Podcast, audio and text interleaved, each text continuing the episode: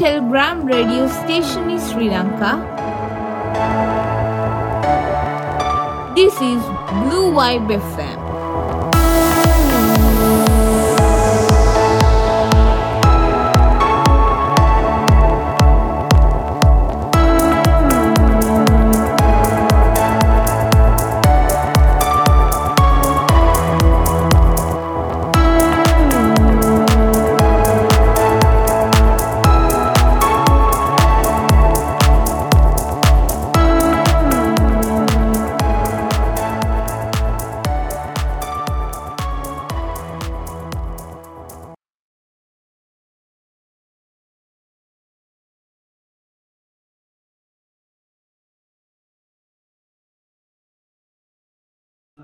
හරි.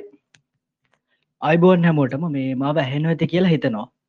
චුට්ටක් පරක් වුණා මේ අමතක වෙලා හෙමනේ පොඩි කනෙක්ෂන් ප්‍රබ්ලම් එකක් තිබුණ එකයි එතකොට වෙන්නදා වගේම හැමෝම බොහම ආදරයෙන් පිළිගන්න නොබ්ලු වයි එකත් එක්ක ජස්ටෝක් ප්‍රෝග්‍රම එකත් එක්ක. එතකොට ගොඩක් වෙලාවට වල දන්න ජස්ටෝක් එකෙන් අපි කතා කරන්නේ. මොකක් හරි මව ඇහෙනෝ නේද? ම වැහැනෝද කියලා පොඩ්ඩක් මෙසේජක් දමුතින් මට තවත් ලෙසි. ආහරි ගොඩක් වෙලාවට අපි කතා කරන්න මේ සාමාන්‍යෙන් වැඩිය කතා නොවන මාතෘකාවක් ගැන. කියන්නේ අපි ගත්තුතින් ගිය සති අපි කතා කරා ගොඩ දෙනෙක් ලංකායි බෞතරක් දෙනෙක් බලලා නැති ෆිල්ම් එකක් ගැන. පොරස්ට ගම් කෙරෙතකොට ඊට කලින් අපි චිත්‍රපටිය වගේම කෙටි කතා ඒ වගේ ගොඩක් දේවල් සහ විධාකාරය කන්සෙප්ස් ගැන කතා කරලා තියෙනවා. එතකොට ඊට කලින් අපි කතා කර ෆෝම බයිල් ෆෝන් ඩික්ෂන් එකක් ගැන සහ කොහොමද මේකින් ගැලවෙන්න කියන එක ගැන. ඉතින් මම අද බලාපොරොත්තු වෙනවා මම බොහෝ කාලයක් කරගෙන මේ ඉගෙන ගත්ත දේවල් කේපයක් තියෙන ඒ අතරින් එක්තරා කන්සෙප් එකක් තමයි සික් සික්ම කියන කන්සෙප් එක. ඇතකොට මේ මේ කන්සෙප් එක ඇතුළේ ප්‍රශ්නයක් විසඳ ගන්න හෙමත් නැත්තං අපේ ජීවිතය මොගක් හරි අපිට කරගන්න බෑ කියලා හිතෙන අපිට අමාරුව කියලා හිතන දෙයක්. ලේසියෙන් කරගන්න හදලා තියෙන මෙතඩ් එකක් පිළිබඳව ඔයාලට පොඩ්ඩක් පැහැදිලි කරන්න. මෙතඩ් එක ගැන පැහැදිලි කරන්න කලින් සාමාන්‍ය මම කරන දෙයක් තමයි මේ මේ මෙතඩ් එක කොහෙන්ද එන්නේ? මේ වගේ දේවල් හැදෙන්න්න හේතුව මොකක්ද කියන එක පිළිබඳව පැහැදිලි කරන එක. මම හිතනා මොකද එකවාට ලේසි වෙයි. මේ දේ ගැන තව හොයාගෙන මමවලට ඕන තරම් රෙෆරන්ස් දෙන්නම්. මේ ඉගෙන ගන්න පොළහන් කොහොමද කියලා. ඉතින් අපි බලමු මුලින්ම. මාතෘකාවට ගියෝතින් DMAIC කියලා දාලා තියෙනවා ඩිමැක් කියලා අපට කෙටියෙන් කියන්න පුළුවන් සිංහලෙන් කියනවන සිංහලෙන් කියන්තින් අපි කතා කරන්න විදිහට කියනවනම් මේ ඩිමැක් ඩිමැක් කියලා කියන්න පුළා එතකොට මේ ඩිමැක් කියන එක කොහෙන් දෙන්නේ? විවිධාකාර සංකල්පත් එක්ක අපි මේක පටලව ගන්නවා. කියන්න මේ විවිධාකාරයේ ඔය ප්‍රොසෙස් එකැනි ක්‍රියාවලයක් සාර්ථක කරගන්න කොහොමද කියලා තියෙන සංකල්පත් එක මේ ඩිමැක් කියන එක පටලව ගන්න. මේ ඩිමැක් කියන එක හඳුන්වා දෙන මේ සික්සික්ම මෙතලෝජි කියලා තියෙනවා මේ ව්‍යාපාර හා සම්බන්ධ එක්තරාකාරයක මේ වැඩසරහන් මාලාවක්. මේක තියෙනවා විධාකාරය වැඩසරහන් ඉතින් ඔය වැඩසරහන් අතරේ මෙයාලා මේ පාවිච්චි කන එක්තරා ක්‍රම විදයක් කියන මෙයාලා මේකට කියන ටූල් එකක් කියලා කෙනෙ මොකක් හරි ප්‍රශ්නයක් විසඳ ගන්න අපේ ජීවිතය තියෙන වැඩ අධික බවෙන් මගහර මගහරව ගන්න සහ ඒ වැඩ සාර්ථක කරගන්න කොහොමද කියන එක පිළිබඳව චුටි සංකල්පයක් තමයි මේ ඩිමැක් කියලා කියන්න. තෝට මේ ඩිමැක් කියන එක එන්න කොහෙද කියලා ගත්තොද මේක හැදෙන්නේ මේ ෂවොට් සර්කල් කියලා මේ ෂවොට් කියලා මහත් මේ පෝල්ට ෂවට් තම මේගේ නම. මේ වෝල්ට ෂවොට් කියන මහත්මය තමයි මේක මේ ඩිවලොප් කරන්න ගෙන වර්ධනය කරනවා. මෙයා තමයි මේ තැන්ට මේක ඉම්පරෝ කල්ලා ගන්නේ. මේක මීට කලින් තියෙන ප්ලෑන් ඩ ස්ටඩි ඇක්් කියලා. එකැන මේක මේ ඩිමැක් වෙන්න කලින් මේ විදිහට තමයි තියෙන්නේ. ප්ලෑන් කරනවා සිද්ධ කරනවා. ගැන ඩ ඊළඟට ස්ටඩි කරනවා. ඒ පිළිබඳව අධ්‍යයනය කරනවා. අන්නේ වගේ සයිකල් එකක් තමයි මේ ඩිමැක් විදිහට දැන්වෙනකොට වර්ධනය වෙලා තියෙන්නේ. මේක එක්දස් නවසි අනුවේදී තමයි මුලින්ම පටන් අරගෙන කියන්නේ මේ මේ තත්තර එන්න මේ මූල බීජය පටන් අරගෙන තියෙන්නේ. ඉට පස්සේ ඩොක්ට එඩ්වඩ් ඩෙමින් කියන පුද්ගලයා සම්පූර්ණම ගෙන සක්සස් පුල් කෙනෙක් විදිහට මේක පාවිච්චි කරනවා. මෙ මේක පාවිච්චි කරන වල ගොඩ දෙන කහල ඇති බෙල්ලබ් කියන එක. බෙල්ලබ් කියන එක අහලා ඇති මේ ගොඩක් ලෝක ප්‍රසිද්ධ තැනක්. එකැන ඔය සන්නිවේදනය හා සම්බන්ධ දේවල් ගොඩාක් අතේතේදී සහ වර්තමානයේදී තමත් බෙල්ලක් තියෙන එතකොට ඒදේවල් ගැන මේ සෑහන රිසර්ච් කරපු තැනක් මෙතනද මේක වැඩ කරන කට්ටියත් එක්ක සේවකයොත් එක්ක මෙ සාර්ථකව මෙන්න මේක අත්හදා බලනවා. මේකට කියෙන ඩෙමින් වීල් එක කියලා. ඩෙමින් චක්‍රයවත් ඩෙමින් වීල් එක කියලා කියනවා. මේක සිද්ධ වෙන එදස් නවසය පණහෙදී ඔන්න ඔය විදිහට ආව ඩෙමින් විල් එක මේ වෙනකොට. ගොඩාක් මේ ලෝක තියෙන ගොඩාක් ව්‍යාපාරකයන් පාවිච්චි කරන දෙයක් බවට පත් කරමින් අධ්‍යාපනය ලබනයට ලොකූරුකුලක් වෙමින් වැඩ සාර්ථය කරගන්නයට ප්‍රජෙට් කරනයට විශ්වවිද්‍යාල ශිෂ්‍යන්ට මේ වගේයට ගොඩා කුකුලක් වෙමින් මේ කන්සෙප් එක මේ වෙනකොට ඩිමක් විදිහට වර්ධනය වෙලා තියෙනවා. ඉතින් අපි කතාකරතින් මේ ඩිමැක් කියන්නේ මොකක්ද කියලා සරලව අප ඩෙමැක් කියන එක හඳුන්වන්න පුළුවනි. අර්මං කලින් කිවගේ ප්‍රශ්න විසඳන යම් කිසි කන්සෙප් එකක් ක්‍රියාදාමයක් ක්‍රියාවලයක් විදිහට. එතකට මම මුලිම කිවතින් මේ ඇයි මේකට ඩිමැක් කියන්න? ඩෙමැක්. පලවෙනිකුර ඩ ඩ කියන වචන තේරුම අකුර තේරුම තමයි ඩිෆයින් මේ ඩ කියන අකුරෙන් බිඳලා එන්න එකක් තමයි ඩිෆයින් එතකොට දෙවැනි එක එම් එම් කියන මෙෂ තුන්වෙනි එක ඇනලයිස් හතරවෙනි එක ඉම්පරෝ පස්වැනි එක කන්ට්‍රෝල් හරි. දැන් ඔය පහ මම එකින් එකට ඔයාලට පැහැදිලිව විස්තර කරගෙන යන මුලින්ම. හැබැයි ඔලට තේරේවි මේක විස්තර කරනකොට මේක නිකක් මේ අර පොදු සංකල්පයක් විදිර හැසිරෙනවා කියලා නිවාරයම එකන්න දැන් අපි හිතමකුද මේ හගෙන ව්‍යාපාරිකෙක් කියලා. ව්‍යාපාරිකෙක්ට පුළුවනි තමන්ගේ ප්‍රශ්නයක් විසඳ ගන්න. මේක තමන්ට ගැලපෙන විදිට යොදාගන්න අපි හිතමු දැන් මෙතර මේ එලවල් කරන නගි කෙනෙක් මල්ල කෙනෙක්ෙන්වා කියලා.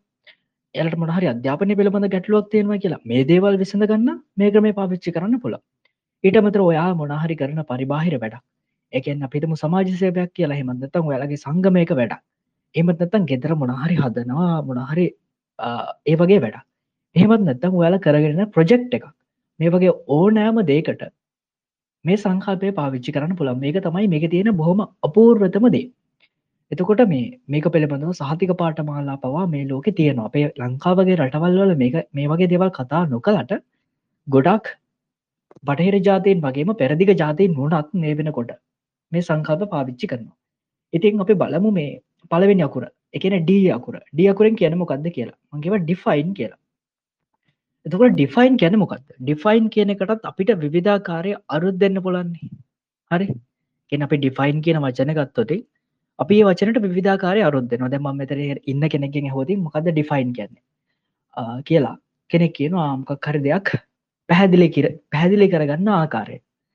තව කෙනෙක්ගෙන් ඩිෆයින් කියන හැවතින් යා කියන මේ ඩික්ෂනරීගේ ම ගාල බැලුවතින් මට එන තේරුම තමයි ඩිෆයින් කියලා කිය තව කෙනෙක්ගෙන් හෝති මොකද ඩිෆයින් කියන්න කියලා යා කියනවා මේ ඒගේ අර්ථ නිරූපන මේ මොකක්ද මේ කියන්න කියන එක පිළිබඳව මේ මොක් හරික් ඇඳලා මට පෙන්න්න පුළුවන් විදිහ. පෙතම ස්කෙච්චක් කියලා. ඒ වගේ දේපා එතකොට වාලට තේරෙනවාද? අපට ඩිෆයින් කියන වචනත් ඩිෆයින් කරන්න පොළ අන්න ඔය විදිහට මොකක් හරි දෙයක් පිළිබඳව අර්ථකතනයන් ලබාදීම තමයි ඩිෆයින් කියලා කිය තෙරුණාද? අපට ඩිෆයින් කියන වචනෙත් ඩිෆයින් කරන්න පුළන් එකන්නේ අපට පුළුවන් දෙයක් අර්ථකතනය කරන්න.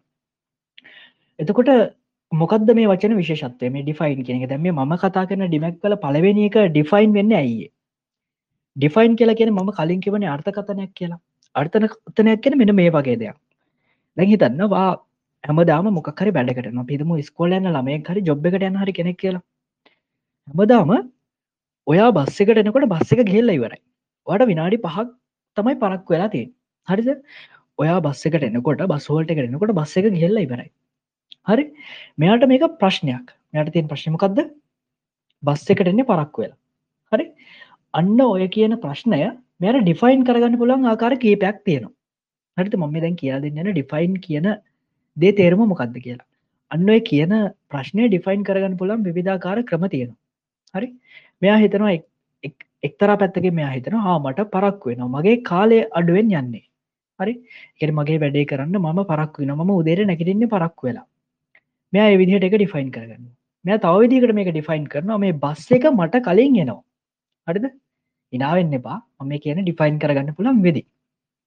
බස් එක මට කලින්ගෙනවා එතකොට තව එකක් තමයි මගේ වැඩ පටන්ගන්නවා කල් වැඩි. එකැන මගේ මම වැඩ කරන දැන වැඩ පටන්ගන්න මගේ ජොබ් එක පටන්ගන්නවා කල් වැඩි උදේ පන්දර වැඩි. ඔය විදිහට මෙයාගේ ප්‍රශ්න මෙයාට ගොඩාක් පැතිවලින් ඩිෆයින් කරන්න පුළා හිතන්න වාලා ඉගන ගන්න ළමයි මගේ තන ගොඩ දෙන කෙන්න තකොට වාලට ඩිෆයින් කියෙන මෙන්න මෙහම ගන්න පුළා වල කියන්න පුළුවනි මේ අපි ඉගෙන ගන්නවා එවුනට අහන ප්‍රශ්න අමාරු වැඩිය නිසා මට ලකුණු නැහැ. තව කෙනෙක්ට කියන්න පුළුවනි අපි ඉගෙනගන්න දේවල් නෙවෙයි අපේ ප්‍රශ්න කරන්න. තවත් කෙනෙක්ට කියන්න පුළුවනේ අපට දීලා තියෙන කරුණු කාරණා සහ අනිත් කරුණු කාරණ අතර නොගැලපීම් තියෙන නිසා අපට තේරෙන්දෙන තව කෙනෙක්ට කියන්න පුළන් අපට අවශ්‍ය කරන කාලය මදි ඔය විදිහට තමන්ගේ ප්‍රශ්නය විවිධ විදිහට අපට දකින්න පුළුවනි. ඔකට කියනවා මේ පොයින්ට ෆියව් කියලත් කියනවා. ගක් හර එකක් ප්‍රශ්නයක් දකින විදිහ. එතකොට මේ ඩිපයින් කියනකෙද අපි කරන්න වන හැබැයි දැ මේ සංකල්පය ඇතුලෙදී අපට තේරෙන පුළුවන් විදි හැම එකෙම අපි බලනවා ප්‍රශ්න දිහ. තේරෙනෝද අපි අපට පුළුවන් හැම විදිහෙම ඒදේ ඩිෆයින් කරගන්න. අපට තියෙන ප්‍රශ්න අපි ඩිෆයින් කරගන්න. ඊට පස්සේ අපි අදාළ දේවල් ටික නෝඩ් කරගන්න එක අපට තියෙන් මොකක්ද ප්‍රශ්න? අපහිතම අපට තියෙනම කිය අපේ ප්‍රජෙක්් එක පටන්ගන්නකොට දැන් වල්ට තියෙන මොකක් හරි ප්‍රශ්න එක කෙනෙ අපහිතව මෙන්න මෙහෙම දැන්. පොදු තැන්වල අපට බඩු තියන්න තැනක් නෑ කියෙන අපිතු බස්තෑන් එක කියලා බස්තෑන් එක අපට බඩු තියන්න තැනක් නෑ ඒවා ස්ටෝ කල්ලා තියාගන්න තැනක් නෑ ඕක ප්‍රශ්නයක් ගැටලුවක්. එතකොට ඔන්න ගැටලුවමන් ඩිෆයින් කරන්නේ මම කියනවා මෙන්න මේ විදිහට අපි බඩුවක්කාගේ නාවතින් අපිට මේ බඩුවතියන් තැනක් නෑ මේකට මට මෙන්න මේ වගේ විසඳුම් දෙන්න පුළුව මෙන්න මේ වගේ දේවල් කරන්න පුළුව තමන්ට තියෙන ප්‍රශ්නය පිළිබඳ සම්පූර්ණ තමන්ට හැගෙන දේවල්ටික ලියාගන්න නො ඩවන්් කරගන්න ඒ පිළිබඳ අවබෝධයක් ලබාගන්න ඕකට තමයි ඩිෆයින් කියලා කිය හරිද? එතකොට මම හිතනවා පලවෙනි ඩිෆයින් කියනක තේරෙන් නැති කියලා. මේක තමයි පලවෙනි සංකල්පය. මේක වාල්ට ගොඩාක් වැදගත්. එකන ප්‍රශ්නයක් තියෙනවන ඔයා වැඩක් කරගෙන යන වනම් පලවෙනිදේ තමයි තමන් කරන වැඩේ පිළිබඳ සම්පූර්ණ අවබෝධයක් ලබා ගන්න ඕනේ. හරි? එතුකොට ඔය අවබෝධයක් ලබා ගැනීමේ පලවෙනි දේ තමයි මංගර කලින් කියපු විදිහට මේ දේවල් පිළිබඳව හොඳට හොයල බලන ඔකට තමයි ඩිෆයින් කියලා කිය හරිද? සරලෝම කිවතින් තොරතුරු ටික එක්රැස් කරගන්නවා.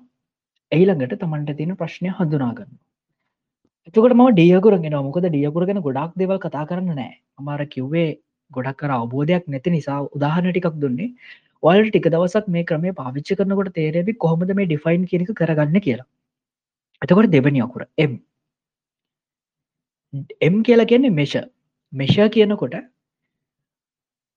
අපි දන්න මේ මෙෂ කියන එක මොක්හරි මිනුමක් ලබා ගන්නවාගේ දෙයක් තමයි අපට තේරෙන් තකොට මේ දේගෙන මම ඔයාලට පැදිලි කරන්නම් ගොඩක් මෙතන විද්‍යාව එකන්නේ බෞතික විද්‍යාවගේ හදාරණ ළමයි එන්න වනම් වල දන්නවා කොයිතරම් වැදගත්ද කියලා මිනුම් කියන එක. නේ? වලගේ පලවෙනි පාඩම ඒක කහා මාන. එතකොට එතරින් ගත්හම ගොඩක් වෙලාවට ගෙනුම් කරන හදාරන යාලා මුදල් ගැන දැනගෙන ඉන්නවන එතකොට විධාකාර විෂන් වල මොන විෂය හදෑරුවත් අපි ගොඩක් වෙලාවට මේ මිනුම් කියන එක පිළිබඳව ගොඩක් සැලකිලිමත්වෙන අපේ දින්දා ජීවිතයේදී හැම දෙයක්ම මනින්න පොරදු වෙලා ඉන්න මොකක් හර දෙකට සාපේක්ෂව. හරිනි. එතකොට දැන්වාලට මේ තියෙන ප්‍රශ්නය ගැටලුව හරි ඔයාලගේ තින් මේ වැඩකටයුතු ටික හර තියෙනවානි. මෙන්න මේක පිළිබඳව ඔයාලට පුළුවන් හැම පැත්තෙම මෙෂමන්ස් ටික ගන්න ඕනි. හරි? එක මිෂමන්ට එකක් කියලා හිතන්න එපා. දැන් මඟර කලින් උදාහරන්නට යනවා. අර මමර කලින් කියපු මහත්තයා උදේට වැඩට යන්න පරක් වෙන හරි? එතකොට මෙයාගේ ප්‍රශ්නතම වැඩට යන්න පරක් වෙනක මෙයා එක විදිහට මේ ප්‍රශ්නය ඩිෆයින් කරගන්න එතකොට මෙයාගේ දෙවනි තැන. යා මෙයානවා මේ සකල්ලගේ දෙවනි ස්ටෙප් එකට. මේෂ මෙෂ කියන එකේදී මෙයට කරන්න පුළුවන් දේවල්ගේ මන්ටිකක් කියන්න. මෙයට පොළොවනි මනින්න. මෙයා බස්සකට කොච්චර පරක් වෙනවාද කියලා. මිනාඩි පහක් වෙන්න පුළ හරි? මෙන මේක තමයි මෙයාගේ මේ ප්‍රශ්නයට මේ ක්‍රියාවලයට අවශ්‍ය ගන්න මිනුම.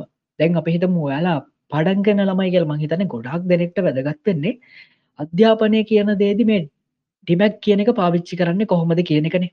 එනිසා මම ඒක ලොකු උදාහරණයක් කරගන්න මං අරග කියන්නේ වලට මත කෙඩින් මොකද ඒ බස්ස එකට යන අපිට සාමානය ගොඩක් කර සාමාන්‍ය සරල දෙයක් ඒක ගොඩක් ලෙසිය මත කෙටෙනු එතකොට දෙවැනි උදාහරන්න විදිර ම අධ්‍යාපනය කියන එක ගත්තතින් මේ මෙෂ කියන ස්ටෙප් එකෙද අපි මොකක්ද කරන්න ඕන? මෙෂ කියන ස්ටෙප් එකෙදී අපට පුළුවන් වෙන්න ඕනේ අපි මේ කරන්න යන වැඩේ පිළිබඳව මිනුමක් ගන්න. ම මෙනුම් කේපයක් ඔබට කියන්න ඔබට පුළුවනි ඔබ පාඩන් කරන වෙලාමනි හරි.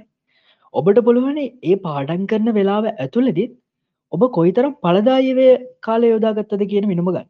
ඔබට පුළුවනේ ඔබ මේ වෙනකොට ඉගෙනගෙන තියෙන මොනවද කියනක පිළිබඳව මිනුමක් ගන්න. හරි. ඔබට පුළුවනේ ඔබ මේ වෙනකොට ඉගෙනගත යුත්තේ මොනුවද කියන එක පිළිබඳව මිනුමක් ගන්න.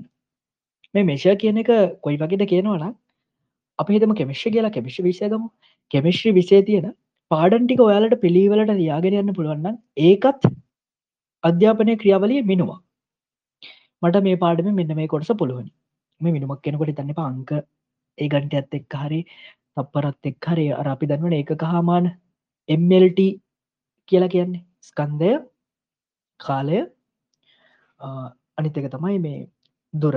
කැන මේ දිග හෝදුර අන්නේ වගේ මයින්න එක. එතකොට ඒ වගේවම මේ මම මේ මේශමන්ට එකක් කියලා කියන්නේ. පුනාහරි දෙයක් මනිනු කොන්ටිට එකක් ප්‍රමාණයක් මනිනු හරිද? එතකොට මෙෂ කියන එකද අපට පුළුවන ඒ දේවල් පිළිබඳව මිනුමක් ගන්න. මහිතන පලවෙනි දෙක තේරුණා කියලා. ඩිෆයින් කරගන්නවා මෙෂමන්ට එකක් ගන්න මෙෂමන්ට එකක් ගන්න ගැන දැන්ගන්න තත්ත්වය පැහැදිලි වෙන ආකාරයෙන් අවශ්‍ය ගන්න මිනුම් ටික ගන්න කාලය ප්‍රමාණය ඒ දෙවල් ඔක්කොමටික මැනගන්න තුන්වෙනි එක. ඇනලයිස් මෙන්න මේක තමයි මේ ක්‍රියාවලිය ඩිමැක් කියන ක්‍රියාවලිය තියෙන හොඳම ස්ටෙප් එක විදිහට නම් කරන්න පුළුවන්. මොකක්ද ඇනලයිස් කියලා කිය මං ඇන්ලයිස් කියන එක කියන්න කලින් වලට කියන්නම් මේ සංකල්පතියෙන් විශේෂත්වය. දැන් මම ගනිතය හදාරණයකෙන් මම ගනිතය සස්පලට ගනිතය හදාරපු ශිෂ්‍යයෙක් විදිහට මම දන්නවා මේ ඇනලයිස් කියන එක තියෙන වැදගත්කම. මේක හොයාගත පුද්ගල මට කලින් කිව්වේ. මේ පුද්ගලයා අපි හල තියෙන ස්ටටික් ටික් කියලා හල තියෙනවද? දන්න සංඛ්‍යානය කියලා. සංඛ්‍යානය පිළිබඳව මේ ගොඩක් දුරට ඉගෙනගත්ත පුද්ගලයෙක් තමයි මේ සංකල්පය හඳුන්වා දුන්න කෙන. එතකොට මෙ ගොඩාක් වෙලාවට අවධානය යොමු කල තින මේ තුන්වෙන ස්ටප් එකට ඇනලයිස් මොකක් ඇනලයිස් කියලකෙන් අපි දැකල තියනවා මේ දැ කම්පිට එකක් ගන්නක. අපි කම්පිට එකක් ගත්තතින් කම්පියුට එක වල දැකලා තියෙනවා අපි තම ගානක් දන්නන කියලා කම්පිට එකෙන් කැල්ලෙන් ගානක් හදන්නන වලම්කොද කරන්න? දුකට වාලා කරන්නේ අදාල කරන ගාන ලිව සම්පූර් ඉක්වේෂණ එක ලිව එන්ට එක ගාපු හම සම්පූර්ණ ප්‍රසෙස් එකක් වෙලා අපට අවශ්‍ය කරන උත්තරේ ලැබෙනවා. හරිද? අපට අවශ්‍ය කරන උත්තරේ පල්ලහැන් වැට ඔන්න ඕක තමයි ඇනලයිස් එකක් කියල කැන්නේ අපි තොරතුර ටිකක් ගන්නවා අරගෙන ඉවරලා ඒ ඒටික ප්‍රොසෙස් කරනවා. ඒටික විග්‍රහ කරගෙන බලනවා. ඒටික ඇනලයිස් කල්ල බලනවා. ඇයි බලන්නේ? අපට දැන් අවශ්‍යයි මෙන්න මේ ප්‍රශ්නය විසඳ ගන්න හරි? වලට විවිධාකාරය ප්‍රශ්න තියෙන පොළුවන්. හරිද? මම කියන ඕනෑම ප්‍රශ්නයකට අධ්‍යාපනය විතරක් නෙවෙයි පටලව ගන්නවා මේක ගොඩාක් පාවිච්චි කරන ව්‍යාපාරිකයෝ. ලෝක ප්‍රකට ව්‍යාපාරිකයෝ ව්‍යාපාරික ස්ථානවල ගොඩාක් තුරට පාවිච්චි කරන එකක් තමයි ඩිමැක් කියන සංකල්පය. හරි? අති සාර්ථක සංකල්පයක්. මොකද මේ කර මේ අපට බැලුවතින් විද්‍යාත්ම ක්‍රමයෙන් උප කල පෙන්න්න පුල මේක ගොඩක් සාර්ථක වෙන දෙයක් කියලා. එතකරම තුන්වැනියට කතා කරන්න හිටිය කර හිටපු මාතෘකාව තමයි ඇනලයිස් කියන්න. ඇනලයිස් කියන්න මොකක්ද? දැන් අපි අර ඩිෆයින් කරගත්තින අපට තියෙන ප්‍රශ්නය සහ අවශ්‍ය කරන තොරතුරු ටික. දෙවැනි එක තමයි දැන් අප ඉන්න තත්ත්වය. එතකොට ඒකට අවශ්‍ය කරන කොන්ටිටිය එක ගැනීමේ කොච්චර ප්‍රමාණයක්ද මොනවද කාලය ඒ වගේ දේවල් සම්පූර්ණයෙන් අපි තීරණයක් කරගත්තා එතකොට කෙනෙක්ට අහන්න පුළුවනි මේ ඔය මිෂමන් කියනකට අනාගතයත් අයිති වෙනවාද කියලා. එකන අපි මිෂ කරනවට මිනිමක් ලබාගන්නකට අනාගතයත් අයිති වෙනවාද කියලා. ඕ අනිවාරයම ඔපට දෙයක් ඉගෙන ගන්න තියෙනවන ඔබ ඒදේ මොනාද කියලා හොයලා ඒදේ පිළිබඳව පොඩි අදහසක් ලබාගන්න දලාදහසක් ම කියනෙ ගොඩක් ගැඹුරට හිතන්න ඕන නෑ ඊට පස්සේ ඔබට ඒතන්න පුල මම මේක කොච්චර කාලකින් කරන්න ඕන්න කවද වෙද්ද ඉවර කරන්න ඕනෙද? අන්න ඒ වගේ දේවල් පවා ඒටික ලියාග හරි? ඊට පස්සේ තුන්ගනි ප්‍රසෙස්ස එක ඇනලයිස් ඇනලයිස් කියන එකෙදික් බලන ඔය. මං මොනවාද මේ තරන්දුරක් කරලා තියෙනෙ වගේ ප්‍රයෝජන? හරි. හොඳ දැනෙන මොනාදමං කරලා තියෙන්නේ කියලා. මං දැම් බලන්න මේකෙන් මට වැඩක් ගන්න පුළුවනිද අපි තුම දැම්වල පාඩන් කල තියෙනවා කියන පිසික්ස් කියන විශය පලනි පාඩන්තුන ඔල බලන්න මේ මෙන්න මේ පාඩන්තුනෙන් මට ගානක් හදාගන්න පුළුවනිද සමහරට බැරිවෙන්න පුළන් සමහරයට පුළුවන් වෙන්න පුළුව ව්‍යාපාරිකයක්ගම ව්‍යාපාරිකෙක් ලොකු කන්සෙප් එකක් බෙල්ඩක් කල්ලා එක පිළිබඳව දලාදස ඔක්කොම හදාගෙන මෙයා දැම් බලනවා. මට මෙන්න මේ කියන බඩුව දැන් විකුණ ගන්න පුළුහ නීද? තැඟර අර අපි කලින් කිපු පුද්ගලයිනට බස්ස එකට පරක්කු වෙච්චකෙන මෙයා බලනවා මම කොහොමද දැම් බස්ස එකට පරක්කු නොවී එන්නේ? අන්න ඒකට මෙපොඩි ඇනලයිස්සයක් කරන මෙයා බලන්නවා තැන් අපි අර පුද්ගලයම උදාහරණයට ගන්න මෙයා බලනවා තමන් නැගටින පරක් වෙලානේ. මේකට තමන්ට ගනපුලන් ක්‍රියාවලි මොනාද තමන්ට ගන්නපුලන් ක්‍රියාමාර්ග මොනවද? මං කලින් නැගටින්න පුළන් විදිිය මොකක්ද ඊට පස්සේ මෙයා බලනවා මේ මෙ බලන මොකක්ද දැම්මට මෙතැනදි වෙලා තියෙන්නේ. බලපුහ මෙයට තේරෙනවා මෙ බෑක් එක හදන්න හැමදා මුදේට උදේට මේ බෑක් එක හදනකොටගේ හම තැනම ලිය කියබිලි විසි වෙලා ඔය ඔක්කොමටික එකතු කරගෙන බෑක් එක හදලා ඉවර වෙනකොට මෙයාට විනාඩි දායක් විතර වැඩියෙන් යනවා. හරි? ඔන්න ඕක තමයි මෙයාගේ ඇන ලයිස් එක. මෙයන ලයිස් කරපුහ මෙයාට තේරෙනවා තියෙන ප්‍රශ්න ටික. එකන මෙයාගේ ක්‍රියාවලයට බලපාන ඉශූස්තික ඇ අපි ගමු අධ්‍යාපනය කියන කාරණාව. අධ්‍යාපනය කියන කාරණාවද අපට ඇනලයිස් කරන්න පුළු හරි මෙන්න මේ වගේ දේවල්ටික ඔයා ස්ටඩී කරන්න ඇැන ඉගෙනගන්න අවශ්‍ය කන මැටිරියල්ස් ටික දැන් එකතු කරගෙන තියෙනවද ඔක්කොම ටික? නෝට් ටික කම්පලේට්ද චෙක් කල බලන්න ඕන. හරි? ඉට පස්සේ පේපර්ස් ටිකක් කල්ලා බලන්න ඕන ලකුණු ගන්න පුළුහනිද මට දැම් මේ මම ඉගෙනගෙන දේන දේවල් වලින් මට ලකුණු ගන්න පුළුහනිද ඊට අමතර මම මේ දැනට කරලා තියෙන ප්‍රමාණය ඇතිද? තැඟ මෙශමට එක ගත්තන් ප්‍රමාණය පිළිබඳ දැම්බලන්න ඕනේ මම මේ ඉගෙනගෙන තියෙන ප්‍රමාණය ඇතිද? හරි. ඇනලයිස් කියන එක කොයි තරම් පුරුල් අපසරීකට යනවද කියන වනම් ඔයා මේක හරියට පාවිච්චි කරෝතින් ඔයාට තේරෙනවා ඔයා මේ වෙනකොට යන පාර හරිද කියල. හරි. මොකද දැන් අපි ගමු ලංකාව තියෙන ප්‍රධානම ප්‍රමුඛ පෙළ විභාගයක්න ලංකාවේ ඕලිවල් හෝ එලෙවල් කියලා කියන්න උසස් පෙළ විභාගයට මුණ දෙන ළමෙක්ට මට කියන්නකෝ මේකට වාල සාර්ථකද කියලා ගන්න පුළන් හොඳ මැනලයිස්සක මොකක්ද කියලා? ශුට්ටක් හෙතුවරේ මේකට ගන්න පුලන් හොඳ මැනලයිස් එක තමයි ඔයාට ලකුණු තියෙනවාද කියන්නේ. හරි? වෙන කිසිම දෙයක් නෑන. ඔලට සාර්ථක පෙපරකට මුණ දෙන්න පුළුවනි නම් ඔලට ලකුණු තියෙනවා. හරි. එහෙම තියෙනවන ගේලබල් එක්ෂෑම එකත් විධාකාරය ඔය එකනර විධ ප්‍රශ්න මත වෙන්න පුළුවනි. මම ගැන්න දල්ව ඔයාලට අවබෝධයක් ගන්න පුළුවනි ලකුණු තියෙනවන ඕකත් හොඳ ඇනලයිස් එක ව්‍යාපාරිකයෙක්න තමන්ගේ ප්‍රොඩක්් එක විගුණනකොට තමන්ට ලාභයක් තියෙනවද? වැඩි පිරිසක් මේක මිල්ලදී ගන්නවද? ඒ දෙවල් බලන්න පුළුවට එම මේශමන්සි එකක් ගන්නවන. ඒවල්දික ඒ දේවල්ඩි අපට බලන්න පුළුවට ඕක ඇනලයිස් එක මම මගේ ජීවිතය සරලව ටයිම්ටබල එක කදාගෙන මගේ ඇනලයිස්සක වලට කිව්වදී මම කරන්න ගොඩක් වෙලාවට මගේ පයරටික වැඩි දේවල්. කියන මගේ පයරටික වැඩි දේවල් තමයි ඇකඩමික ගැන ඉගෙන ගන්න දේවල්. එතකට ම ඉගෙනගන්න දේවල් වලින් මගේ පලවෙනි පයුරට එක තමයි දැන්වාලා මම දන්න කොහොම කොයි වයස් මට්ටම්මල ළමයි හරි වැඩි හිටිය හරි කවරුහට මෙතර ඉන්නවාද කියලා. ම මේ සම්පුර පුල්වඩියන් එක්කට කතා කරන හැමෝටම. එතකොට මගේ ප්‍රධානික තමයි ඇකඩමික් එතකොට ඕක ඇතුළ තියෙන්නේ ගොඩක් පෙලාවට මගේ කාලසරහන ඇතුළ තියෙන ඉගෙන ගන්න දේවා හරි? තකොට මගේ පරටික පළමියට යනවා. මගේ ලෙක්චස් තිකට ම කොයි කොයි කාලෙදි මට ලෙක්චස් තිය ම සම්පූර්ණ කාලසරණ කදන මගේ ලෙක්චස් තික හරි? එතකොට ම මේකට සම්පූර්ණ කාලසරණ කදලා වෙලා වෙන් කල දින මෙන්න මේ ස්ලොට්ටල් මෙන්න මේ කාලය පරාසවලදි ම මේ වැඩේ කරන්න හරි? එළඟට බලන්න මට ඊට අමතරව තියෙන වැඩ මොනවද? හරි ම සංගම වැඩ කරන මේටික තියෙන ම ටික ලියාගන්න වෙනම කොලේක හරි? ඊළඟට මම් බලන්නවා හරි. මම කෝස්ස එකක් කරගට ම මේ කෝස්ස එක මොනල් දැන් කලද ම මේටික වෙනම ලියාගන්න හරි මම වලට කියන්න ඇනලයිස් කරන විදිහ. මම ඒටික වෙනම කොලේක ලියාගන්න හරි? ඊළඟට දැ මම්බන්නවා ඊට අමතර මොදැන් ගෙදර වැට අප පච්චහරි මොනහරි එපගේ වැඩ කරන්න කියලා තිබනද ම ඒදේවල්ටික මගේ පොඩි නොට් එකක් දාගන්න මංකරන ලැප් එක. එතකොට ගොඩක් කලට මගේ නොට් එක දාගන්න දාගෙන බලන්න මගේර ෆලි ෆ්‍රීස් ටයිම්ස් ලොට්ටලට මේ දාන්න පුළොන් වෙදි. ම බලන්න දාලා බලන්න දාලා මම සතියක් විතර ඔය විදිහට ඒ වැඩි කරගෙන යනවා. හරි? කරගෙන ගෙහිල්ලා අවසානය සති අවසානති මම චෙක්කල්ල බලනවා. බං කොයිතරන් දුරට සාර්ථකද කියලා? සාර්ථකයිද කියලා කියන වැඩ ඉවර කරනවයි කියන කනවේ වරදව තේරුම්ගන්න පාරි ගොඩ දෙනෙක් දෙකල් තියෙන දැන් ඔය ඇල්ලයිස් කරනවා කියනෙකෙද වලහිතන්නේ වල නෝට් කම්පලිට් කර කියලා සීට සියක් වැඩ කරා කියලා අන්නේ වගේ දේවල්ටික හරි කියලා දාගන්න එක නෙවේ ඇනලයිස් කරනවයි කියලා කියන්නේ අවසාන් ප්‍රතිඵලය. ෆයිනල් අවුට්පුට් එක හොඳයිද නැද්ද කියලා බලනු මම අවසානති බලන්නේ දෙම මර වැඩකරපු සංගමයේ අදාළ වැඩේ වෙලා එතන ඒ ප්‍රශ්නය නැති වෙලා ගිල්ල ඒටික හරියට වෙලාද? තකට ම පාඩන් කරන දෙවල් නම් බලන්න ඇද කුයිස් එකක් තිබුණති මට කොයිස් එකට ලකුණු තියෙනවා. හරි? ම කම්පලේට් කරද කියනගන මේ ඇන්ලයිස් එකක් කියල කිය එක නික මේෂමට එකක් විතර මඟර පට තේරුම් ගන්න කියන මේ ඇනලයිස් කියන එක මේක තමයි මේ කන්සෙප් එක වැදගත්මදේ මේක තමයි එකරමික මැද තියෙන සංකල්පය. ඩෙමැක් කල මැද තියෙන අකුර ඒ ඇනලයිස් කියන එක තමයි වැදගත්මද එක මම නැවත නැවත වලට කිය හරි? හැබැයි දැන් ම හොම කරගෙනනකොට මට තේරිච්ච දේ තමයි මගේ පලවෙනි සතේරි ම ගොඩක් ෆෙල් ම කැම මේ මේ මෑත කාලෙම වෙච්ච දෙයක්. හරි? මම ගොඩක් ෆෙල් මොකද මට පුළුවන් ඇකඩමික් කරගන්න විතර ඊටමතර මොම් වැඩකර හිටපු ප්‍රජෙක්ස් එතකොට මම කරකර හිටපු ගොඩක් දෙවල් මට කරගන්න බැරව ම ආසාර්ථකවුණ හරි?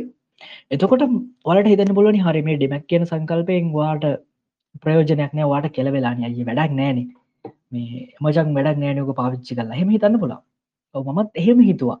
එහෙම හිතලා මම ඇන්ලයිස් කියනක හරියට අය කියවල ම චුට්ටක පොත් පිඩිය කීපයක් එම කියවල බැලවා. තකොට මේක තියෙනවා ඔබ වැඩ කරන ක්‍රමය ගැලපෙන්නේ නැත්තං ඒක වෙනස් කරන එක තමයි මේ ඇනලයිස් කියන එකේද සිද්ධ විය යුත්තේ. ඔබ බලන්න ඕනේ. ඔබට කරන්න තියෙන වැඩමනෝද ඒවගෙන් ඔබට ප්‍රයෝජනයක් තියෙනවද? ඔබ සාර්ථකද? ඔබ අසාර්ථක නම් වහාම. ඔබ අසාර්ථක නම් වහාම ක්‍රමය මාරු කරන්න එතකොට අපි කොහොමද ක්‍රමය මාරු කරන්න? එකත් ප්‍රශ්නයක්න මටත් වෙලා යා ප්‍රශ්න තමයි. හරි දෙම වැඩ කරන ක්‍රම දන්නන මොන් දැම්මොකද කර මම ආයෙත් හොඳට මේක තේරුම් ගන්න. මේක ගොඩාක් වැදගත් මම කියන එක. මම ආයෙත් මුලට ගිය. මොකද මගේ මුල? ඩිෆයින් මම හරියට ඩිෆයින් කල්ලනෑ මගේ ප්‍රශ්නය. හරි? මම ඩිෆයින් කරනකොට ඇතර ම ඒ වෙලාවේ ඩිෆයින් කරනකට ම කරේ මට ඉගෙන ගන්න කරුණටික හරියට කරගන්න බැක් කාලය කළමනා කරනය කරගන්න බැයි කියන එක. මම දෙවනි පාර ඩිෆයින් කරනකොට දැම්මා. මගේ අධ්‍යාපනික කටයුතුවලට අවශ්‍ය කරන කාලය සහ අමතර දේවල්ට විශෂ බාහිර ක්‍රියාකාරගම්මට මම්බෙන් කරන කාලය මට හරියට කළමනා කරනය කරගන්න බෑ. මම ආයත් එක ඩිෆයින් කරගත්ත. දැම් මේෂමන්සලට යනකොට දැම්මගේ ගව තියෙන මගේ ඇකටමික කියන ම ඉගෙනගන්න දේවල් මේෂමන්ස්ටික විතරක් නෙබේ ම දැම් බලනවා අම මේ වැඩ කරගෙන ප්‍රජෙක්්ගේ තව කොච්චර වැඩ කරන්න ඒක මයිල්ස්තෝ හමත් තම් ටස්ක් ම කොච්චර ඉවර කල්ලද තම කොච්චර ඉවර කරන්න තියෙමද ම ඒවටිකත් ආය බැලු හරි? මම ක්‍රියාවලි ආය මුලටගින් ආයන ඉළඟට ම යනලයිස් එක්කට දැම්ම ඇන්ලයිස් එක තිබද කරන්න? මමාර කරපු දෙවල්ටික ආය බලනවා. ලයිස් කරගන්න මොකද කරන්න? මගේ මෙතට්ෙක් මය ක්‍රියාත්මක කරලා ම බල දැම් ෆයිනල් ලව් පුට් එක අවසානද හම්බෙනදේ හරිද කියලා. හොඳයිද? දැම්ම සාර්ථක හරි. දැම් මට තේරෙනවා. හරි. ම දැන් සාර්ථකයි. මගේ ඇනලයිස්ස ඇතුරේ මන් තේරුම් ගන්න ම දැන් වැඩ කරගෙන ක්‍රමය. හරි. හරි. මම හිතන මම කියනක තේරෙන වැදේ කියලා. එතකට ඇනලයිස් එක කියන එක ආය පාරක්. දෙවනි පාරටත් ඔයට පැරදුනතින් වාම්කද කරන්නේ? ඔය ආය ඩිෆයින් කියන තැනට යනවා. වාට තින සම්පූර්ණ ප්‍රශ්නටික වර්තන සම්පූර්ණ ගැටලු ටික ඩිෆයින් කරගන්නවා. ඊළඟට ඒවට අදාළව මෙෂමන්ස් ටික ගන්නවා. අය ඇනලයිස් එක්කට එනවා. හරි? සමහරවිට මෙතන අපි හිතනවා දැන් මෙතර මං හිතන ගොඩාක් ළමයි නැත්තේ එතකොට ඔයාලා කලා විෂය ධාරව හදාරණය හරි ව්‍යාපාර හරි අයමන්දතං සයින්සේ කියෙන බය හරි මැත්සරි මොනහරි ටෙක්නෝලජර මොහරි හදාරන ඇති. හැබැයි ඔය කියන හැම විෂයකම ඇනලයිස් කියන වචර තියෙනවන. අපි ඉගෙනගන්න හැමදේම ඇනලයිස් කරනවා. ඇනලයිස් කරනගෙන් තමයි අපි අවබෝධයක් ලබාගන්න සහ අපි ඒගරගනදෙන් අවුට්පුට් එකක් දෙන විදිහට අපේ දේවල් ප්‍රයෝජනයට ගන්න. එනිසා ඒ තියන පණ්ඩරේ පාපිච්චි කරන්න ඔයාලගේ ජීවිතයන හැම ප්‍රශ්නයකදීම දෙවල් ඇනලයිස් කර හරි? පුරුදු වෙන්න. තොරතුර ටිකක් මොකද කරන්නේ? මේක හරි මාර මේ මේ එන ආදල් දෙයක්. දැන් මටනම් මාර අතල් දෙයක්. මොනාහරි වැඩක් කරන්නන කරන එන්න පිළිවෙලට මම බලන මට කරන තියෙන වැඩේ ඩිෆයින් කරගත්තා. අදාළ කරන මේෂමන්ස් ටික. ඒකැන අදාළ කරන තොරතුරුවලට අදාළ කරන මේ මේෂමන්ස් කියන්න මේ කරුණු කාරණ හරි මොනහරි වට අදාළ කරන කාල පරසේ ඔක්කොමටික ගත්තා. ඊළඟට මම කරන්නේ ඒදේ වල්ටික සාරංශයක් කල්ලා මම ඇනලයිස් කරන ඇල්ලයිස් කල ම එක ක්‍රියාත්ම කල්ලා ප්‍රයෝජනයක් තියෙනවාද කියලා බලන්න හරි?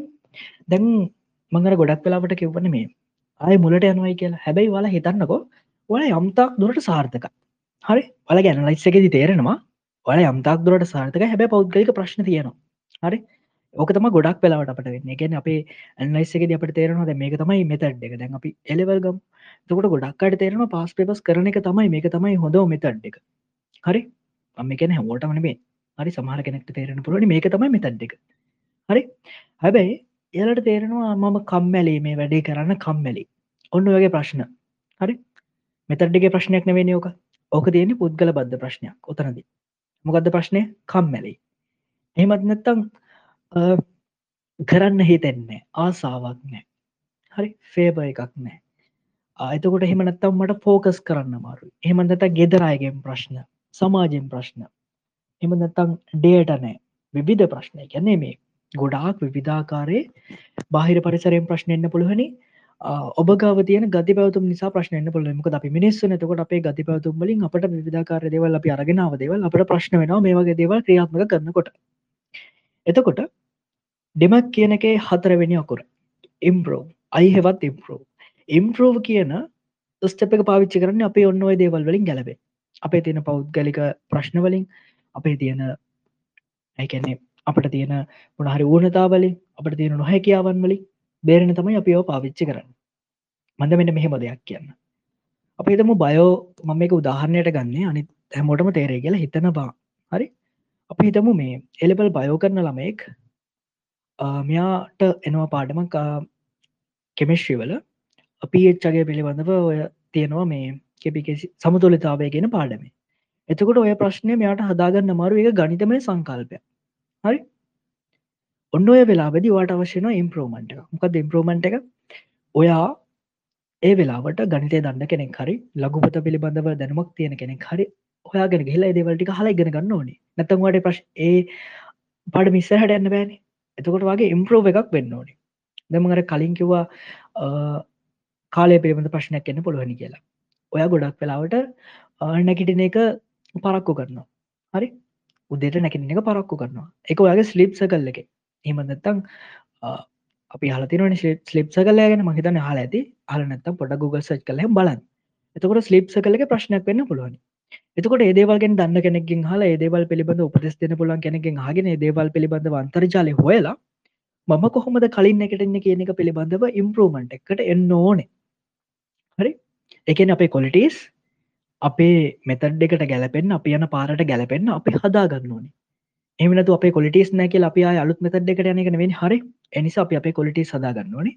ඒළඟ එක තමයි අපේ මෙතඩ් එක හොඳයි වගේ හිතුනට තවදුරටත් වැඩි දියුණු වෙන්න ඕන කියලා හිතෙනවන හරි. අපි ඉම්පරෝමන්ට් එකට යන්න ඕනි. හරිද? දැඟර මමර කලින් කියව පුද්ගලය පස්සකට පරක් වෙලා එනගෙන එයාද ඔක්කොමටි කැනලයිස් කරගෙන හැමදාම උදේට හැරලා වැඩට යනු හරි. මෙයට මේට අමතරව පුළුවනි ඉම්පරූමන්ට් එකක් විදිට හැමදාම වැඩට යනකොට තමන් ඒකරපු වැඩ පිළිබඳව නැවතත් ප්‍රක්තවේක්ෂා කල්ල නැවතත් සීකල්පන කලයන් බල ළමයි නම් එලවල් ක්ලාස්සකට යනකොට හැමදාමලට පුළුවනි නෝට් එක කියවල යන්න වෙලාවක් තියාගන්න. අන්න වගේ චුට් චුට් දේව චුට් චුට් දේවල් වලින් ඔයාලගෙර මාස්ත ප්ලෑන් එක වාල ප්ලෑන් කරපු හැමදේම සියට දෙසීයකින් උත්ප්‍රේණය වෙන්න පුළුවන්. හරි? උත්ප්‍රේණය ගැන වැඩිදිියුණ වෙන්න පුළුවන්. ඒ වෙන ක්‍රියාවලිය තවත් වේගවත්ත සිද්ධ වෙන්න පුළා ඒ නිසා ඒ චෝට්චෝටි ඉම්පරෝමන්ට් එකතු කරගන්න. තමන්ගේ පර්සනල් ප්‍රශ්නවලට විසදුම් හොයාගන්න බලට ඩේට ප්‍රශ්නයක් තියෙනවන ඒමත්නත්තන් අපි ඔන්ලයින් ගොඩක් වැඩ කරන්න. ඔන්ලයින් ජොබ් කරන ජොබ් කරන්න ඔන්ලයින් දොකට ඉගෙන ගන්න ඉගෙනගන්න ලාස්වලට හිල ඔය වගේ ඒවගේ ප්‍රශ්නවලට ඔයාලට ලබාගන්න පුළ විසිදුම් හොයාගෙන යන්න. ඒක තමයි කරන්න මේ ඉම්පරෝමන්් කියන ස්ටෙප් එක ඇතුලෙදී එතකොට ඊළඟ ස්ටෙප් එක. කන්ට්‍රෝල් මොකද කන්ට්‍රෝල් කැලගෙන් මේක තමයි මම හිතන්න අපි ගොඩ දෙනෙක් කරන්නේ නැති එක. මටත් ඒලෙබල් කරනකල් මම එලිවල් විශෂ හදානකට මට සිද්ධ වෙච්චදේ නැගෙන් ම සාමාන්‍ය සැලකයුතු මටම මුල් කාල ඉගෙනගත්ත ම හොඳ ප්ලෑන් එකක් හදාගත්ත. ඔක්කොම ටයිම් ටේබල්ස් කෙන මට ගැලපෙන විදිර ම ඔක්කොමර අර විදිර හදාගත්ත. මම සංකල්පය දැන හිටියන හරි? එවනට ප්‍රශ්න වනේ මට ඕක ඉදිරියට පවත්වගෙන යන්න බැරිවුණ හරි. ඔන්න ඕකට විවිධාකාරය විසඳම් තියෙනවා. අපි කොහොමද දෙයක් කටිනියෝ කරන්න? ඕක තමයි කන්ට්‍රෝල් කියල කිය ඔය හදාගත්ත ඩිෆයින් කරගත්ත මෙතඩ්ඩකට අවශ්‍ය කරන මේශමන්ටික ගත්තා. අරගෙන ටික ඇනලයිස් කර. එළඟට ඒදේවල්ටික එම්පරෝ කර. ඔන්න ඔයා දැන් ඉන්න මාර ප්ලෑන් එක හමදේ මේ හරි විදිහට වෙනවා. ලකුණු ටික අපි එලබල් කරන ලකුණු ටික වැඩිවෙන අපි බිස්නස් කරනවන අපේ අපිට හම්බෙන ප්‍රොපිට්ට කෙන්න්න වැඩි වෙනවා. හැබැයි ඔන්නමක කර ප්‍රශ්නයක් වෙච්චකම් අපි වැඩ අතල්ල දාලා යන දමල ගහල යන විධාකාරය ප්‍රශ්න. ගොඩක් කලාවට බාහිරගෙන ප්‍රශ්න වෙන්න පුලනි ගොඩක් කලාවට බාහිරගෙන ප්‍රශ්න. ප්‍රේම සම්බන්ධතා එහෙමනත ජාලුවන්ගේ ප්‍රශ්න හෙමනත මුදල් ප්‍රශ්න හෙමනත සමාජයෙන් වෙන්න පුලන් ප්‍රශ්න විවිධ ප්‍රශ්න. හරිහෙමද නීතිීම් පවද බිසන්සය ගත්ත නීතිීම් ප්‍ර ප්‍රශ්න වෙන්න පොළ එතකොට ඔන්න ඕවට හැඩ ගැහිලා අපි ඔය දේවල්ටික දිරියට පවත්වගෙන යන්න හැබැයි අපි හෙමනකර අපි ඒක දමල හෙවත්මකද ඩිමක් කියන එක සාර්ථක වෙනවද? නෑ එතකොට අපි ඩිමක් කියනකට බැලන වැඩක් තියෙනවා මේ මෙතට එක හරියන්නේ කියල. අපි හරියට මේක සියට සියක් සම්පූර්ණ කරලා තියෙනවද? නෑ අපි මොකද කරන්න ඕනේ? අපි මේ මෙතඩ් එක අන්තිම එක. එකන්නේ අපි හරියට සහතික වෙන්න අපේ ප්‍රොසෙස් එක ආය අය හරියට පෙනවයි කියලා. හරි? ඔය හොඳට හිතල බලන්න. මේ ප්‍රොසෙස්ස ඇතුලෙදී ඔය හරියට ආය කරගෙන යනවන මේක නිතරම නිතරම නිතරම ඉම්ප්‍රෝ වෙන ඔය එන්න එන්න ඉම්ප්‍රෝ වෙන අපිත මොයා එලබල් ළමයෙක්නම් MCU පේප එක කන පිසික් MCU පේප එකක් දෙදහ පේපර එක කරනවා. ඔය දෙදස් දානවයට එනකොට දෙදහ විස්සක් ගැහුවන දෙදස් පිස්ස පේප කරනකොට වාට තිස් පහක්වත් ගහන්න පුළුවන් වෙන්න ඕන. වයිම්පරෝ වෙලා. නැත්තම් මෙත දෙක ප්‍රශ්නයක්. ඔය පස්සට ගිය. අයලුත මෙතඩ්ඩ ආරම්භ කලා ඉස්සරහටාව හරි? මේ කන්ට්‍රෝල් කියන එක හරියට කරගත්තුතින් සහතික වෙන්න පුළුවනි. හරි? සහතික වෙන්න පුළුවන්. අනිවාරෙන්ම බලාපොරොත්තුන්දේ ළඟා කරගන්න පුළ ම කියන්න අතිසාර්ථක පුද්ගලෙක් වෙන්න පුළුවනි කියලමකොද ඩිමක් කියන සංකල්පය අර මේ ලෝකෙන් වෙනස් වෙන අතිසාර්ථක පුද්ගලින්ගේ සංකල්පයක් කියලා හිතන්න එපා. හරි? මේක මේ ගොඩක් ජනරල එකැන මේක මේ සාමාන්‍ය දෙයක්. ඔබට දෙයක් කරන්න හිතන්නේ නැත්තම් ඔබට ප්ලෑන් එකක් නැත්තම් සම්පූර්ණ ප්ලෑන් එකක් කදාගන්න සම්පූර්ණ ප්‍රශ්න විසඳ ගන්න පරිපූර්ණ ක්‍රමයක් තමයි නිමැක් කියලා කිය හරි? එතකොට කන්ට්‍රෝල් කියනකේදී ඔබ තව කරන්න පුළුවන් දේවල් මොනාදම ගොඩක් දෙනෙක් හනක් තමයි කන්ට්‍රෝල් කෙනෙ කරන්න අමාරුයි. අරවගේ ප්‍රශ්නාවදී මොකද කරන්න? ඒ දේවල් පිළිබඳ අවබෝධය තියෙනගෙන් හන්න ඒ දේවල් පිළිබඳ අදකම් තියෙනගෙන් හන්න ඒ දේවල් පිළිබඳව වෙනා අරගෙන තියෙන ක්‍රියාමාර්ග පිළිබඳව අධ්‍යනය කර හරි? ප්‍රේම සම්බන්ධයක් ගන්න. එදේවල් පිළිබඳ ඔබේ ආලුක්ට තින අදගේ මෙයාගෙන් අහන් එදේවල් පිළිබඳ ඕගෙන් හලා උත්තරයක් ගන්න. එතකොට ඊට අමතරව ඔබේ වැඩ පිළිපලේ කන්ට්‍රෝල් එක ගැනව ගත්තතින් නේවගේ දෙවල් කරන්න පුළ මම ගොඩක් වෙලාවට මේද අත්හදා බලන්නවා අම්මොක්කර විෂයක් ඉගෙන ගන්නවන මගේ දේ පිළිබඳ වෙනයම දැනුවත් කනද ම මේ වගේ දේවල් පිළිබඳව කියවද්දේ මං අනිත්තව දැනුවත් කරන ගොඩක් කැමති මේකත් කන්ට්‍රෝල් කියන එක විශේෂංගයක් අපි අප්ලයි කරන දේවල් අනිත්තයට කියලා දෙන හොඳර මතක තියාගන්න ඔබ දේවල් අයට අනිත්තයට කියලා දෙනවා කියන්නේ ඔබේ දැනුම තියෙනවටත් වඩා වැඩියෙන හරි? ඔබේ මෙතඩ අනිත්තයට පැහදිලි කරනවා කියලා කියෙන ඔබේ මෙතඩ් එක තියෙනවටත් වඩා ඉම්පරෝපෙන් ඒවගේම තමයි ඒක තවදුරටත් කන්ට්‍රෝල් වෙන හරි? ඇතකොට මම හිතනවා මේ කන්ට්‍රෝල් කෙනෙක තේරෙන් නැති කියලා. යම්තාක් දුරට කන්ට්‍රෝල් කෙනෙක තේරෙන්නද කියලා. කන්ටනිවස්ලි එකැනෙ එක දිගට මේ දේ පිළිපලට අකණ්ඩව පවත්තාගෙන යාම තමයි කන්ට්‍රෝල් කියලා කියන්න. එතකොට මොම හිතන ඩෙමක් කියන සංකල්පය පැහැදිලි වෙන්නදී කියලා. එතකොට ම මේ සංකල්පය තවදුරට චුට්ටක් විතර ඉදිරියට ගියති මොකද ඉදිරියට යනවයි කියලා කියන්නේ දැන්මේ මම කිව සංකල්ප අපට ඉදින්දා ජීවිත පවිච්චි කරන පුළන් විදිිය නෙවෙයිනේ. හැබැ එදිනදා ජීවිතයේද අපි මේක පාවිච්චි කනට අපට පාවිච්චි කරනලන් ටෙක්නික්ස් කීපයක් තියෙන හරි? මම එක ටෙක්නික එකක් කොලට ටෙක්නික්ස් කීපයක් පැදිලි කරන්න පලවෙනි එක තමයි ඩිමැක් පාවිච්චි කරනකොට ඔබට පුළුවනි කාල කළමනා කරණය කියන එක පිළිබඳව අවධානය යොමු කරන්න. කාලසරහනක් හැදීම. කාලසරහනක් හදනවයි කියනක ඩිමැක් කියන එකට ගොඩක් වැදගත්. හරි? පුළුවන්න ඒ වැඩට යොමුුවෙන් ඔබ කරන ඕන වැඩකට කාලසරහනක් හද හැබැයි මතකදය ගන්න එක කාලසරහනක් නෙම මඟට කලින් කිවන මගේ එකඩමික් වලට ම වෙනම කාලසරහත් මගේ අමතර වැඩවලට වෙනම කාලසරහන අවසානති මම්මකද කරේ? මම කාල්තරහන් දෙක වෙන වෙන හැදුව. කවන්ස් දෙක කැන කවන්ස් කැනීම කාල්සරහන් දෙක හදල මගේ Google කවන්ට එකට වෙදක මර්ච් කර. වෙදක එකතු කර. හරි? එතකොට සම්පූර්ණ අපට වැඩේ අපට අපේ සතියේ වැඩ පිළිවෙල තේරුම් ගන්න පුළුවනි. පුළුවන්තරන් කාලසරහන සතියකට හදන් එතකොට ඩිමකල්දි පවිච්චකන් පුලන් තව ටෙක්නික් එකක් තමයි මයිල්ස්තෝන් මයිල්ස්තෝන් හෝ ටස්ක්. මොනද මේ මයිල්ස්තෝන්ස්කෝ ටස් කියලක හරි. මේ දේවල් තමයි අපි මොනාද ඇචියව කරන්න? අපි මොනාද පහු කරන්න යන්න? යන්න දේ දේවල්. හරි. පෙපරකට ලකුණු තිස් පහ ගන්නවන කියන මයිල් ස්ටෝන් එකක් හෙම තියාගන්න. මගෙන මයිල් ස්ටෝන් තියන ම මගේ ප්‍රසන්ටේෂන එක මගේ ප්‍රජෙට් එකට දාලා ප්‍රසන්ටේෂන එක ම මේ වෙද ඉවරගන්න එන්න මේක තමයි මගේ සාර්ථකත මෙතැන්ටෙනකොට අන්නේ වගේ මයිල් ස්ටෝන් තියාගන්න. චුඩ චුටි මයිල් ස්ටෝන්ස් හරි? මේ කාලසරහනක් නේ වරදවා හිතන්න එපා.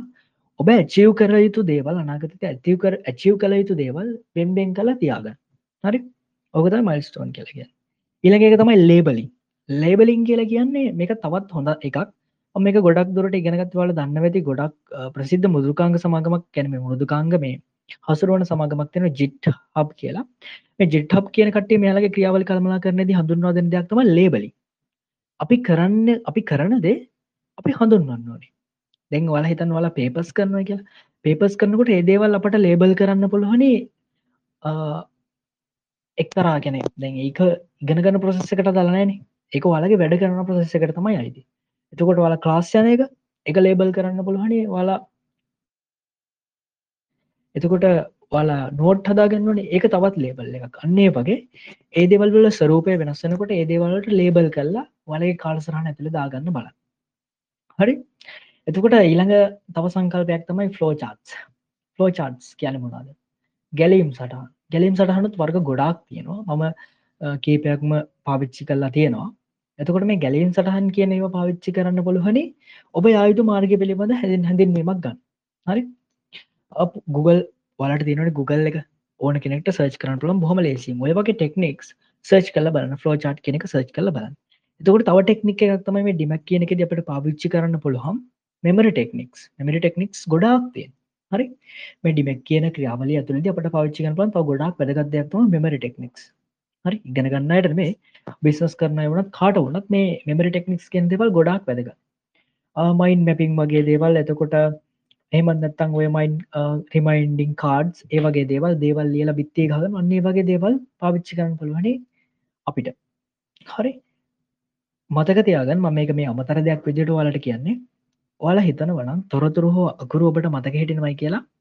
ඊට වට බොහොම ලේසින් ඔබට රූප සහ ක්‍රියාවන් මතකතියාගන්න පුළුවන්. හෙල්ලෙන දේවල් ලස්සන දේවල් බොහොම ලේසියෙන් මතක හිටිනවා. හරි?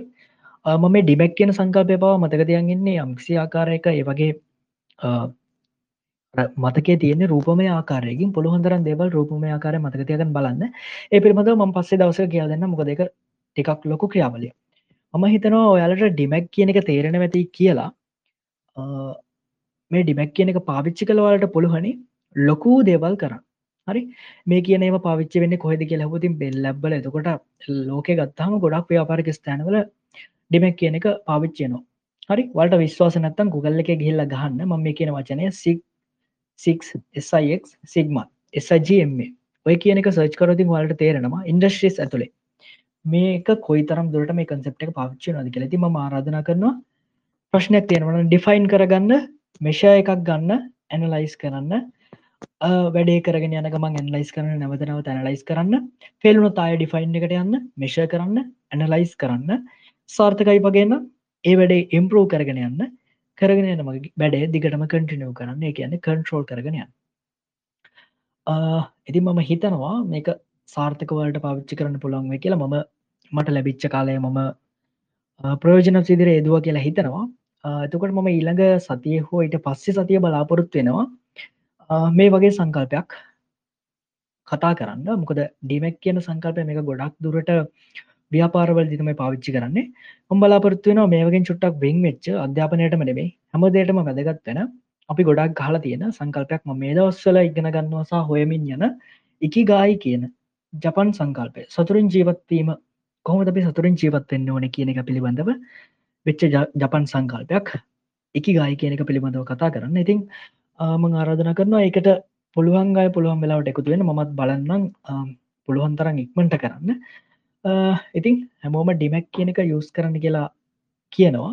තව ගොඩක් මේ වගේ සංකල්ප තියෙනවා. ස් පහ සංකල්පය තියෙනවා. එතකොට මීට අමතරවා දැන්වේ මට කලින් කියපු සික්සික්ම කියන ඇතුර තව ගොඩක් සංකල්ප තියෙනවා. ඒදේවල් ගැන හොයන්න කියවන්න ලොකු පොත්තින පිටු දාහක් විතර තම තියෙනවා සමහර පොත්වල. කැමති කට්ටිය කියවල බලන්න. දෙයක් ඉගෙනගන්න පුළුවන් වෙයි. ඉතින් මම කියන්නේ වල වැඩක් කරන්නන ඉගෙන ගන්න නම් ඕන කෙනෙක් මේ සංකල්පය ට්‍රයි කල්ල බල හරි? අනිදේවල් යන අතර පැරලලි එකන්නේ ඒ දේවල් වලට අනුගත වෙන ගමන් මේ සංකල්පයත් පාවිච්චි කල බලන්න බොහොම සරලයි.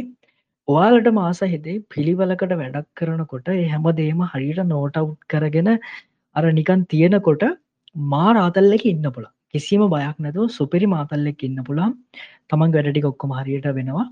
පුළුවන්නම් පාවිච්චි කල්ල බලන්න. මට හිතන මේක හොඳ මෙතන් එකක් කියලා ඕන මඩක් කන්න කෙනෙක්ට හැමදීම නෙපෙයි ඔය ව්‍යාපාර අධ්‍යාපනය එතකොට ඉදින්ද ජීවිත අපි කරන දෙවල් හැමදේටම ඩිමක් පාවිච්චි කරන්න පුළුවන්. මතක තියාගන්න. DMAIC බොහොම ස්තුතියි.